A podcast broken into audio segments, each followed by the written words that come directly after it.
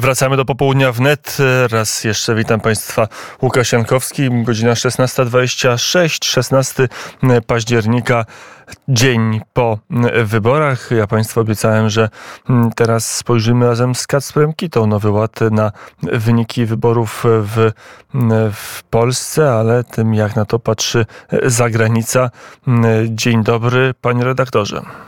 Dzień dobry panu, dzień dobry państwu. Dziękuję za zaproszenie. No ja bardzo dziękuję, że pan redaktor to zaproszenie raczył przyjąć. No dobrze, w Berlinie, w Paryżu i w Rzymie. Jakie nastroje i jakie komentarze po wyniku wyborach w Polsce, po wynikach wyborczych w Polsce? No myślę, że dość oczywiste jest, że z tych trzech stolic, e, które pan wymienił, te pierwsze dwie stolice są zadowolone, a ta trzecia jest niezadowolona. Mm, w ostatnich, w ostatnich miesiącach, zwłaszcza, zwłaszcza Berlin e, liczył na to, że, mm, że w Polsce dojdzie do zmiany władzy w kierunku liberalno-lewicowym i że dojdzie do władzy z powrotem e, prawdopodobnie oczywiście Donald Tusk. No i tutaj e, dla Niemców też Polska jest szczególnie ważna ze względu na te zależności gospodarcze, ze względu na historię.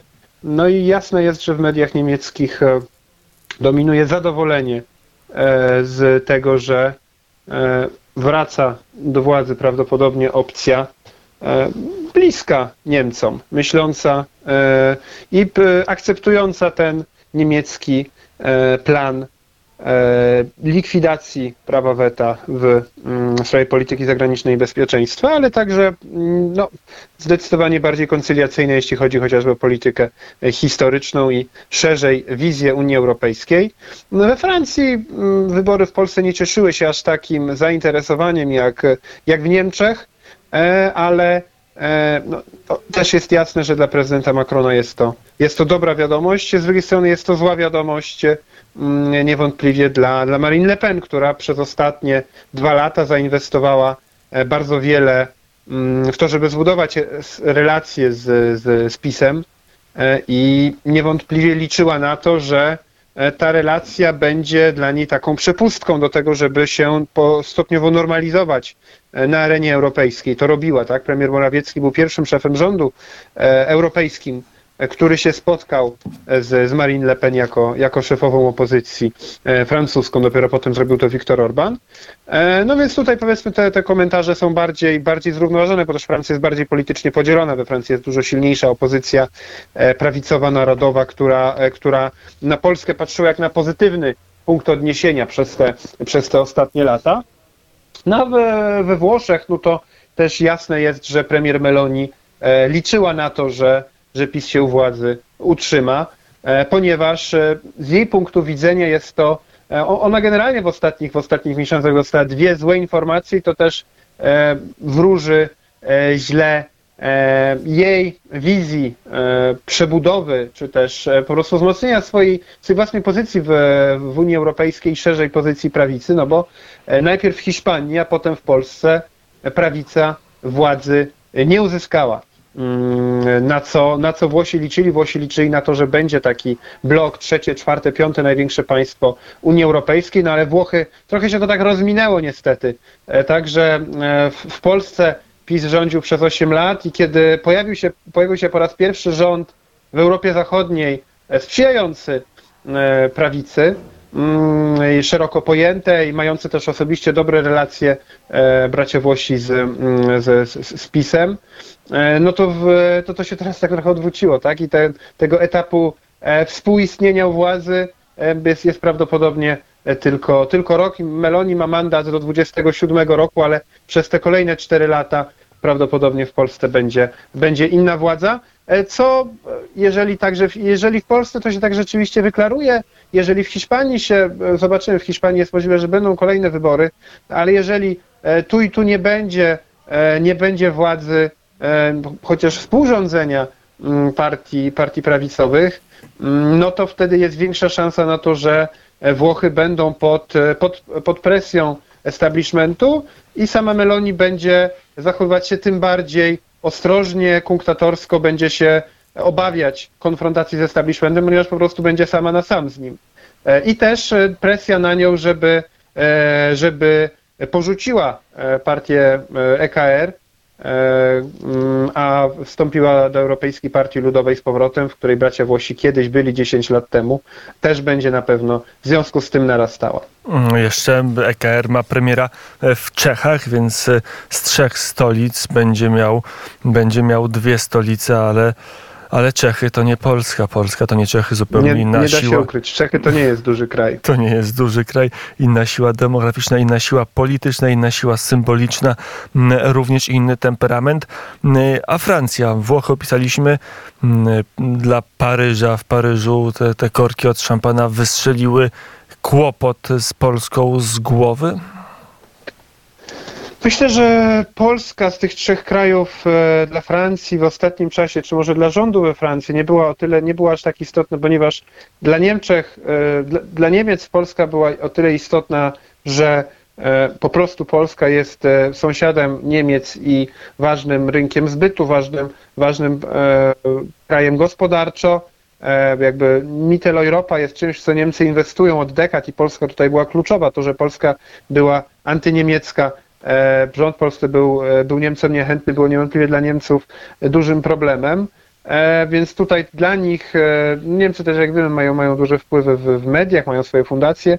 Natomiast Francja tak naprawdę, no Włochy też powiedzieliśmy, dlaczego, dlaczego dla, może nie tyle włoskiej opinii publicznej, bo to się tam w mediach włoskich jakoś mocno nie przebijało, ale, mm, ale dla pewno dla samej Meloni, dla rządu włoskiego jest to istotne, zwłaszcza, że jej, że jej wielokrotnie była atakowana, prawda, że ono to jest związane właśnie z tymi strasznymi, a, a, strasznymi reżimami w Warszawie i w Budapeszcie, no a teraz, kiedy ten jeden reżim odpadnie, to będzie to duża satysfakcja dla, lewicowej opozycji. Natomiast no, dla Macrona mm, te ostatnie lata, te, te relacje francusko-polskie nie były zbyt intensywne.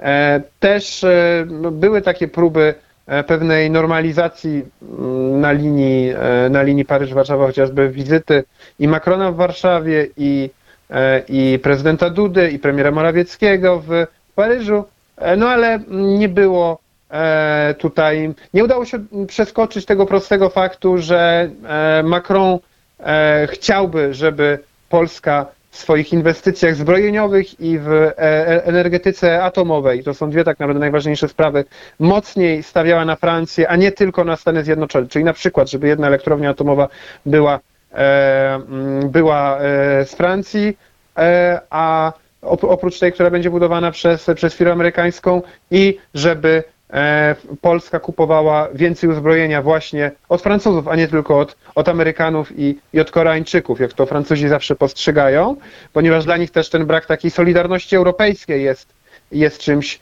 e, jak, jak, jak oni to postrzegają, bardzo, bardzo negatywnym. No i na pewno Macron liczył, e, no i nie doszło do tego porozumienia, nie doszło do, do, do dealu, który mógłby być, czyli na przykład nie doszło do wsparcia Macrona dla Polski w sprawie KPO, E, co myślę było, wynikało również z tego, że Macron liczył na to, e, że, e, że w Polsce się zmieni rząd i nowy rząd, rząd Platformy może być mniej proamerykański, bardziej, bardziej równoważący te relacje ze Stanami Zjednoczonymi i właśnie z Europą Zachodnią, w tym również z Niemcami i Francją. I na przykład, że rząd Platformy mógłby się zdecydować na, na elektrownię atomową e, budowaną przez, przez francuską firmę albo na albo na większe zakupy zbrojeniowe e, we Francji. Więc mm, on się w tej kampanii nie angażował specjalnie, ale e, Francu, francuska opinia publiczna tego, tego niespecjalnie przeżywa, bo oni mają dość własnych problemów, ale na pewno myślę, że Macron jest z tego rozstrzygnięcia zadowolony i na pewno niezadowolona z tego rozstrzygnięcia jest,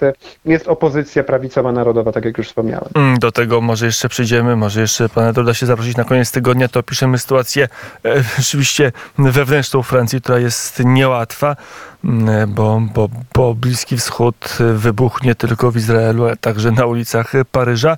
No ale teraz e, omawiamy nasze wybory, bo to jest jest temat numer jeden nad Wisłą. Ostatnie pytanie, co to oznacza dla projektu europejskiego? Przy klęsk, klęska. PiS wygrywa wybory, ale pewnie nie będzie, prawie na pewno nie będzie e, rządził. Tusk wybory przegrywa, jest na drugim miejscu, ale jak sam powiedział wczoraj, to jest bardzo dobre drugie miejsce, bo razem z koalicjantami daje mu e, władzę, co dla procesu europejskiego, dla integracji europejskiej, dla centralizacji władzy w Unii Europejskiej, dla europejskich elit oznacza wygrana opozycji w Polsce. Oznacza większe szanse na domknięcie procesu centralizacji i likwidację kolejnych uprawnień państw narodowych, kolejnych kompetencji państw narodowych, co jest ważne dlatego, że w dwóch największych państwach, jak patrzymy właśnie na, na, na, największe państwo Unii Europejskiej, to tam przez ostatnie kilka lat ewidentnie roz, rośnie w siłę opozycja e, prawicowa i narodowa wobec e, osłabiania państwa narodowego. Tak? AfD w tej chwili ma wyższe poparcie niż rządząca socjaldemokracja, a we Francji Marine Le Pen jest dziś popularniejsza niż Emmanuel Macron.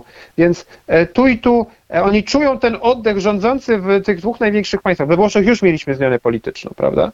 E, oni czują na plecach oddech E, opozycji w swoich krajach, boją się, że kolejne, że któreś z tych państw najprędzej e, mo, może wypaść i może w ogóle narastać społeczna presja na, na to, żeby e, dalszą integrację europejską mm, ograniczać, żeby nie przekazywać kolejnych kompetencji z poziomu państwa narodowego na poziom centralny, na poziom czy instytucji europejskich, czy na, czy na poziom głosowania większościowego. I myślę, że tutaj w tej sytuacji E, to jest dla nich, oni oddychają z ulgą, e, przedstawiciele establishmentu unijnego, ponieważ dla nich Polska tutaj ewidentnie była takim zawali drogą. Oczywiście też nie we wszystkim wiemy, że wiemy, że tutaj rząd, rząd Prawa i Sprawiedliwości też w wielu sprawach e, ustępował e, albo zawierał różne, różne kompromisy. Niemniej e, generalnie był takim zawali drogą, jeśli chodzi o te kluczowe sprawy e, i E, dla, e, dla establishmentu europejskiego to jest bardzo dobra wiadomość,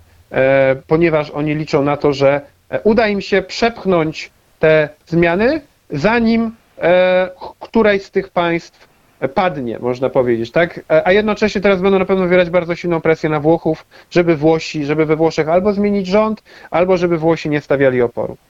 Mm, e, to jest analiza e, Kacpra Kity. Zobaczymy, czy się spełni, bo rzeczywiście, e, jeżeli elita brukselska chce stworzyć super państwo, to musi się spieszyć na wiosnę już wybory europejskie, tak. a one wcale nie muszą wyjść po myśli liberalno-lewicowej elity. Dokładnie tak, więc ja bym przestrzegał przed determinizmem. To nie jest tak, że już teraz na pewno to, ten projekt centralistyczny się uda. Jest bardziej prawdopodobne, ale to bynajmniej nie jest, nie jest, nie jest zdeterminowany. Mm, e, jedno jest pewne, świat zmierza do paruzji, ale to temat na inną e, rozmowę. Kasper Kita był naszym gościem.